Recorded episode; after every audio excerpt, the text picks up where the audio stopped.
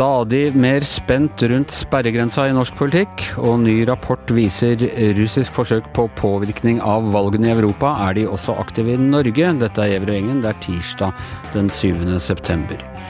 Uh, ja, Tone Sofie Aglen, det, det, koker godt rundt sperregrensa. Ikke bare, ikke bare, på meningsmålingene, men også i en uh, rekke avslørende saker. I går hadde vi Kjell Ingolf Ropstad, uh, den kjente hybelboer. Nå viser det seg også at Sveinung Rotevatn fra Venstre har hatt offentlig finansiert bolig i Oslo mens han liksom har beholdt en hybel han har vært på seks ganger i året med, med fri uh, hjemreise. Det er et spesielt forhold de har, disse um, statsrådene, til og, og, det er avviklet nå, det får vi kanskje understreke før han ble minister, men det er spesielt forhold de har til dette med og hvem som skal betale husleia deres? Ja, eh, nå er jo det regelverket Det er jo innafor regelverket det begge de to har gjort. Og jeg tror nok hvis du skal gå tilbake i historien, så tror jeg nok i alle partier du finner eksempler på representanter som har ja, i hvert fall vært kreative i, i omgåelse av det regelverket, da. Så, men det ser jo ikke noe pent ut når det kommer for en dag nå. Men det er litt spesielt, altså. Eh, dette er politikere, våre fremste tillitsvalgte. Folk som i hvert fall mer enn noen andre bør skjønne intensjonen eh, ved et regelverk, som de jo tross alt til, til syvende og sist er øverst ansvarlig for. Og eh, at man liksom kan tenke at ja, fordi det er mulig å gjøre det på denne måten, så skal man gjøre det på den måten. Det, da kan man jo skjønne null, hvorfor nullskattytere tenker som de gjør, i hvert fall. Ja, nå Jeg har ikke lyst til å gå inn i enkeltsaker uh, som ikke jeg kjenner, men uh, jeg tror jo at uh, en årsak til at det ofte skjer med politikere som er litt sånn i en Eh, litt sånn uavklart livssituasjon er jo at man på en eller annen måte vil ha en relasjon til fylket man er valgt fra, eh, får en praktisk bolig nær Stortinget. At det er sånne grunner til at det eh, oppstår. Men det er ikke noe tvil om at det regelverket oppleves i overkant gunstig og kan tøyes ganske langt. Tror du det vil bety noe for dem rent altså Dette er jo da gjelder de to partiene som virkelig det er et være eller ikke være, nesten, at de kommer seg over eh, sperregrensen. Tror du det vil påvirke velgerne, eller vil du få den derre å nei, nå jager mediene i flokk-følelsen uh, uh, som vi snakket litt om i går, og så får de sympati isteden? Nei, for Venstre sin del så tror jeg på en måte at det her var en uh, Framstår ikke som en i hvert fall veldig stor sak og ikke en veldig dominerende sak, men for KrF, som fikk denne saken i aller høyeste grad veldig sånn bredt malt ut, kom ikke veldig godt ut av det, står i en veldig krevende situasjon, så, så tror jeg at det her kan være tungt for et parti å å komme på offensiven. Nå har jo KrF brukt et par dager på å snakke om gutterommet istedenfor å snakke om kontantstøtte og barnetrygd. Det er jo ikke noen god posisjon å komme i rett før valget. Det står eh, egentlig veldig få velgere som, som det står om for KrF. Eh, så kan jo det være liksom, Er det det som er avgjørende for om de får tillit eller ikke til partiet? Men jeg tror kanskje først og fremst at det er eh, tungt for partiet, og ikke minst for partilederen, å komme ut av det her og nå begynne å motivere seg for å snakke om uh, gjøre det bra i debatter og sånn uh, så få dager fram mot valget, da. Jeg føler at det er et stigma som er i ferd med å bygge seg opp rundt gutterommet. Har du jenterommet ditt stående fremdeles, med rett rett mulighet? eh, nei, men jeg har hytte 200 meter fra, så det Jeg trenger for så vidt ikke det. Men sånn, sånn i rettferdighetens navn, da, så så har vi nok opp gjennom årene sett eksempler på politikere som har en litt sånn løselig tilknytning til eh, hjemkommunen, om de bor i sokkelen til foreldre eller eh, ja, har litt sånn ulike kreative løsninger. Så jeg tror det har vært praktisert mye forskjellig opp gjennom eh, historien. Ja, ok. Nok om det foreløpig.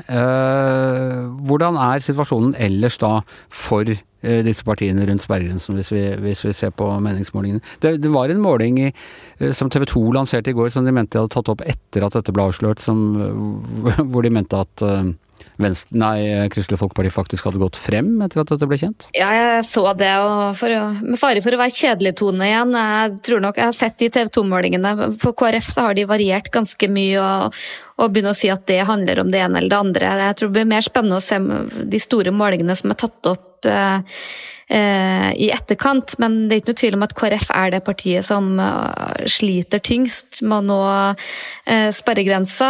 Nå har de hatt en litt sånn positiv trend. Jeg tror de har mobilisert veldig i Kristen-Norge og, mobiliserer veldig på at nå står så mye på spill for KrF. Nå må vi på en måte legge uenighet til side og berge stumpene for partiet. Så jeg tror nok at det her var utrolig skummelt for dem, da. Men det kan også slå litt andre veien at ja, folk ser at nå er det så store problemer.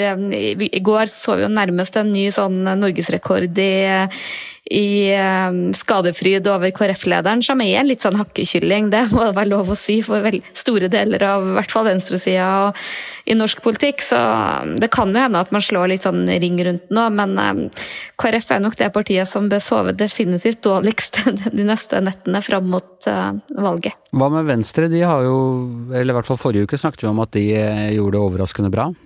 Ja, og Venstre har jo vært det partiet som, eh, hvis du ser tilbake på året, har ligget dårligst an. De har hatt masse målinger ned på totallet og, og rett og slett gjort det helt elendig. Men de fikk en skikkelig vitamininnsprøytning med den eh, FN-rapporten. Eh, de har jo høy troverdighet på klima og fikk et skikkelig løft da. I tillegg så er det et parti som er etter hvert ganske drevne på det å drive valgkamp de legger kreftene inn der de har velgere å, å vinne, i særlig de store byene, hvor de teppe, teppebomber med, med, plakater og annet for sine. Og har også den fordelen at de har sine viktigste profiler, sånn som Rotevatn i Hordaland, som er et stort fylke, i Iselin Nybø i Rogaland, Abid Raja i Akershus og ikke minst Guri Melby i, i Oslo. Så Venstre er vel faktisk det partiet som ser ut til å ha det mest bekvemt akkurat nå.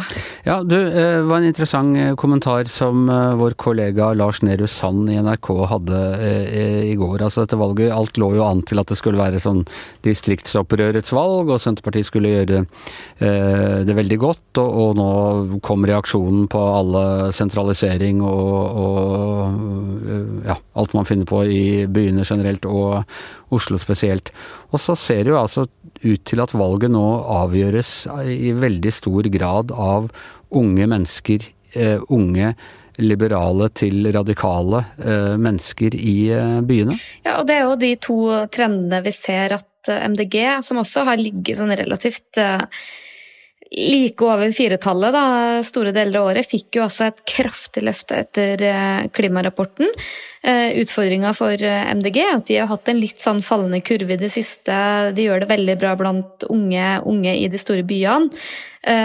Folk som veldig ofte ikke stemmer, så vi bruker ofte å si at det er, liksom, det er nesten en prosent lavere ved valg enn ved målinger. Det har vært regelen da, de, ved de siste valgene for for eh, MDG. Og det som er veldig interessant å se med dem nå, er at de, de, eh, de skjerper kraftig tonen mot de andre miljøpartiene og har liksom de siste ukene gått til angrep på både Rødt og MDG og Nei, MDG, sier jeg. Det.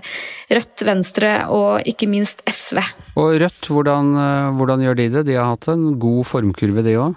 Ja, og de starta jo på en måte sin opptur før sommeren, og er vel kanskje det partiet som på målingene ligger eh, best an. Eh, og det vil jo virkelig være noe helt nytt i norsk politikk om de får en stor gruppe. De har ganske mange unge dyktige kandidater både i Hordaland, i Rogaland, eh, i Nordland gjør de det også veldig godt. Der har de jo også gjort det veldig bra i ja, eh, Sandnessjøen-området en del, hatt en del sånne små bastioner. og Veldig interessant å se om de klarer å holde løpet rett helt inn. Jeg var jo med Bjørnar Moxnes litt i forrige uke, og det er litt sånn interessant å se. De har jo veldig mange unge velgere, veldig mye studenter og sånn, men de har også fått ganske mange sånn avhoppere fra Arbeiderpartiet, sånn tidligere eller fagforeningsfolk rundt omkring. Og har også klart å mobilisere en del blant sånn type mm, arbeidsløse folk med lav utdanning og en del av av det segmentet. Og det, det, tror jeg passer Rødt sin profil bra, etter hvem de henvender seg til. Men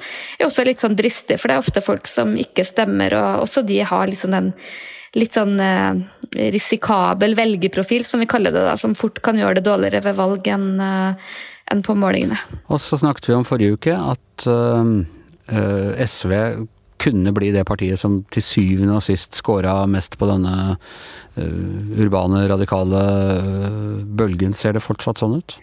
Ja, SV har jo hatt en, en, veldig sånn fin vekst. Og de har jo den fordelen at de har sterkt eierskap både til klimasaken og til sosial ulikhet. På en måte litt sånn MDG og, og Rødt i ett, om du kan kalle det.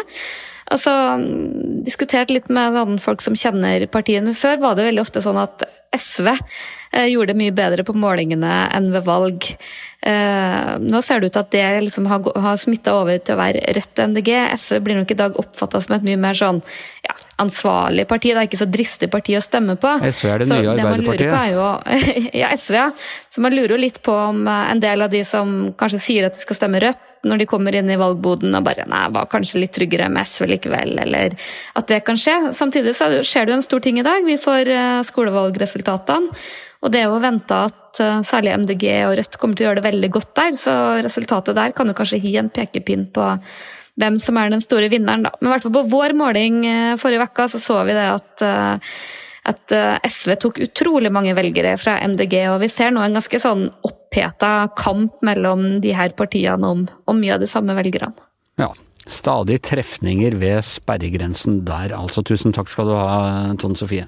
ja. eh, og så eh, skal vi snakke om en eh, rapport fra var det Universitetet i Cardiff du sa, Yngve Kvistad? Eh, altså Vi har jo visst dette i mange år at uh, russerne prøver å uh, gjennom diverse operasjoner prøver å påvirke både valgene og debatten i uh, Eh, vestlige land, og mest kjent da fra, fra eh, USA. Eh, men denne rapporten mener at dette er enda mer omfattende nå enn det var for noen år siden?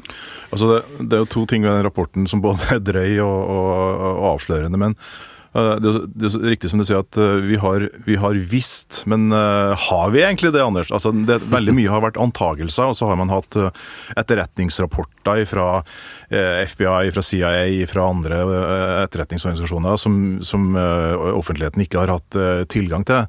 Det som er det unike med denne rapporten, er at den, er, den, den ble publisert i går. Den, ligger, den er nå åpent tilgjengelig fra fra det som da heter Institutt for kriminalitet og sikkerhetsforskning eh, ved Universitetet i Cardiff, en anerkjent eh, researchorganisasjon.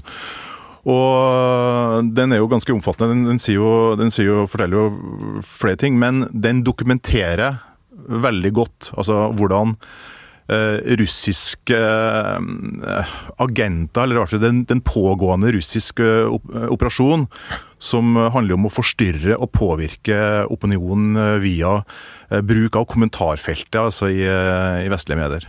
Dette er jo selvfølgelig dette er fristende for folk som deg og meg å tro på. Altså Alle de der gærne masekoppene i kommentarfeltet, de er rett og slett russiske agenter?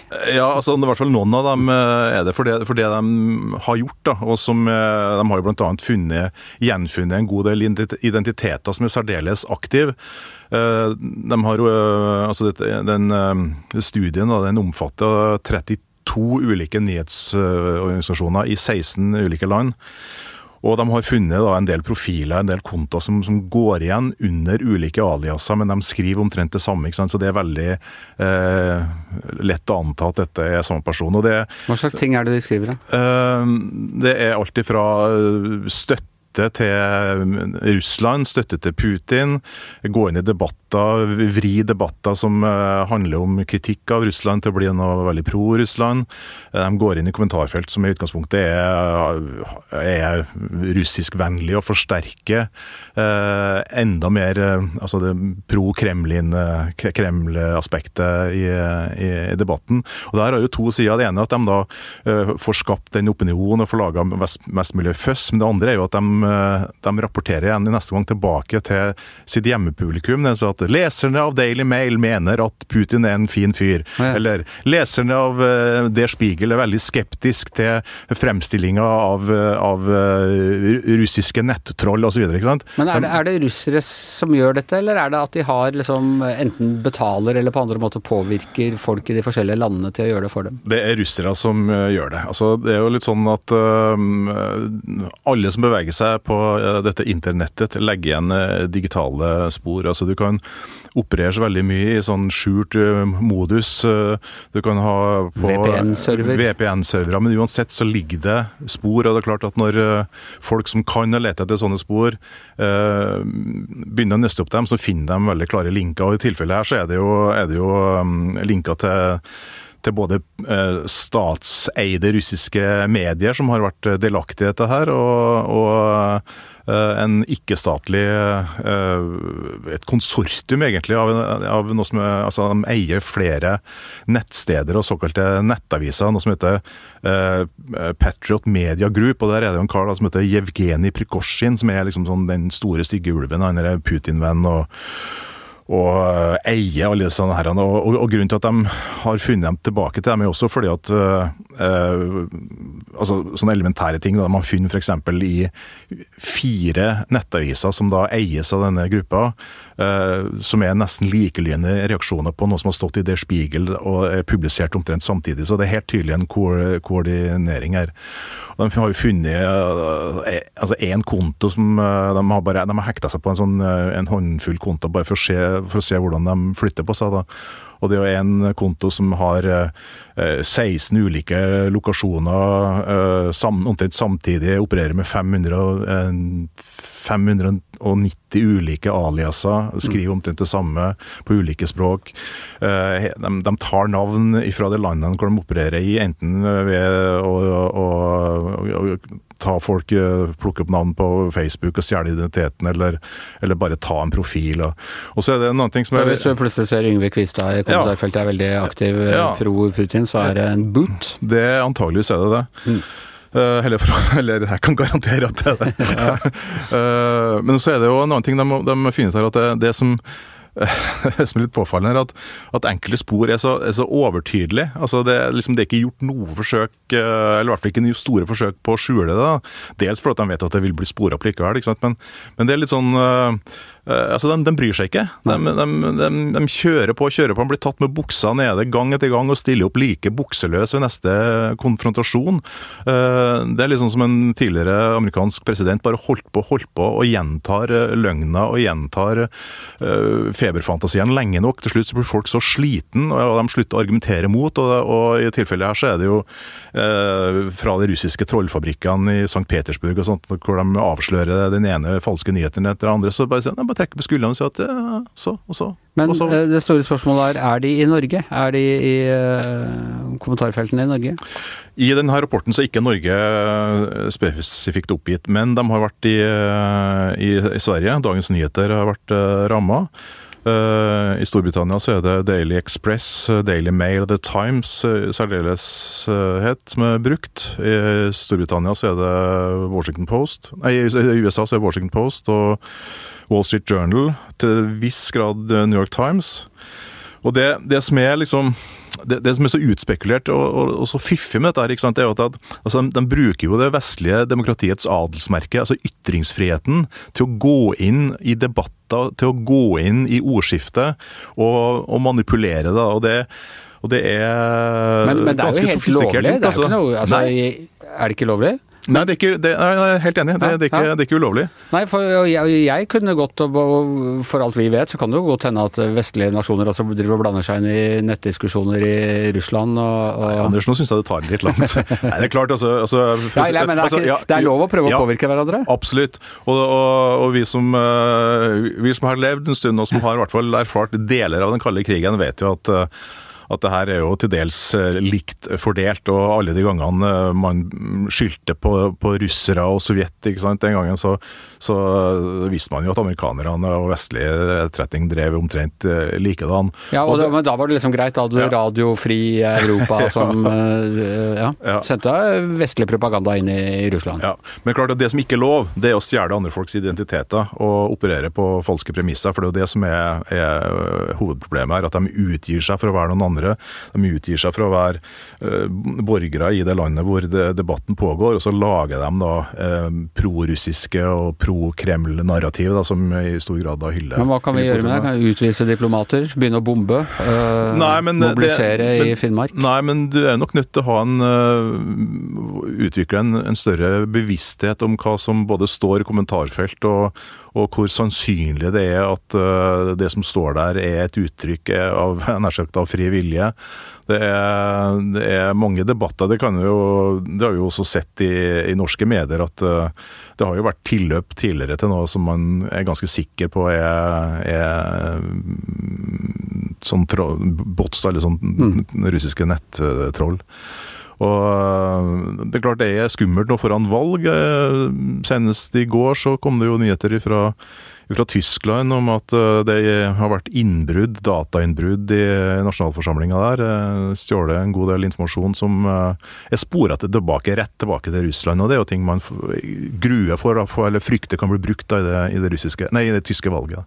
Ja, mm, jeg får uavlatelig beskjed om at din, eh, dine kontoer er utsatt for et alvorlig sikkerhetsbrudd og klikk her, men jeg tror ikke det heller, så, så det, eh, hva skal man egentlig gjøre? Nei, altså som sagt, det er jo, det er jo, det, er jo lett å si det at det må til en holdningskampanje, men altså, det må til altså en større bevissthet om, uh, om hva, hva, som står og hva som ligger, uh, ligger bak. Det er klart det er jo hvem, hvem, vil de støtte her, på en måte? Uh, altså Selvfølgelig Putin, men, men I Norge? Ja, for I USA gikk de for Trump mot Clinton. Jo, i, altså as we speak, så Uh, vet at Forsvarets forskningsinstitutt driver med en tilsvarende undersøkelse og, på dette her. Og det de bl.a. ser på, er jo hva slags type debatter vi har i Norge. Man kan tenke seg at uh, den sentrum-periferi-debatten f.eks. kan mm. være interessant for enkelte ambassader da, å, styrke og blande seg inn i på, på ulikt vis. Uh, dette er ikke noe jeg påstår, dette er jo dette, Innvandring? Ja. Uh, så, så man, man, ønsker jo å, å, styrke interne konflikter og polarisere det for å skape splid internt i nasjoner og blant folk. Det er jo det som er hele greia går ut på. Og ja. Men det skal de aldri klare, for vi er enige og tro til Dovre faller i dette landet, ikke sant Trygve? Jo, rett bortsett fra at nå står det på en lapp her 'ikke slå i bordet'. Ja, ja, stemmer. stemmer, stemmer. Jeg, må ikke bli, jeg ble men, litt revet med. Du ble men, litt revet med. Men ja, nei, det, det selvfølgelig enig i det. Greit å ha det på det rene. Eh, da går det mot slutten. Jeg vil bare minne om og fortelle at vi er altså eh, på bakgården på Grünerløkka på torsdag klokka seks, og da har vi to strålende gjester. Anne Holt og Kristin Clemet, begge tidligere gjester her i, i podkasten på, på Giæver og Gjertsen, men nå er det altså mulighet til å oppleve dem live på bakgården på Grünerløkka torsdag klokka seks. De er gode venner, men de er ikke enige om absolutt alt politisk, så det kan bli veldig moro. Og dermed er Giæver og gjengen over for denne gangen. Her i studio Yngve Kvistad, på hjemmekontoret Tone Sofie Aglen. Jeg heter Anders Giæver, og mannen som holder orden på både gutte- og jenterommet, er som vanlig produsent Magne Antonsen.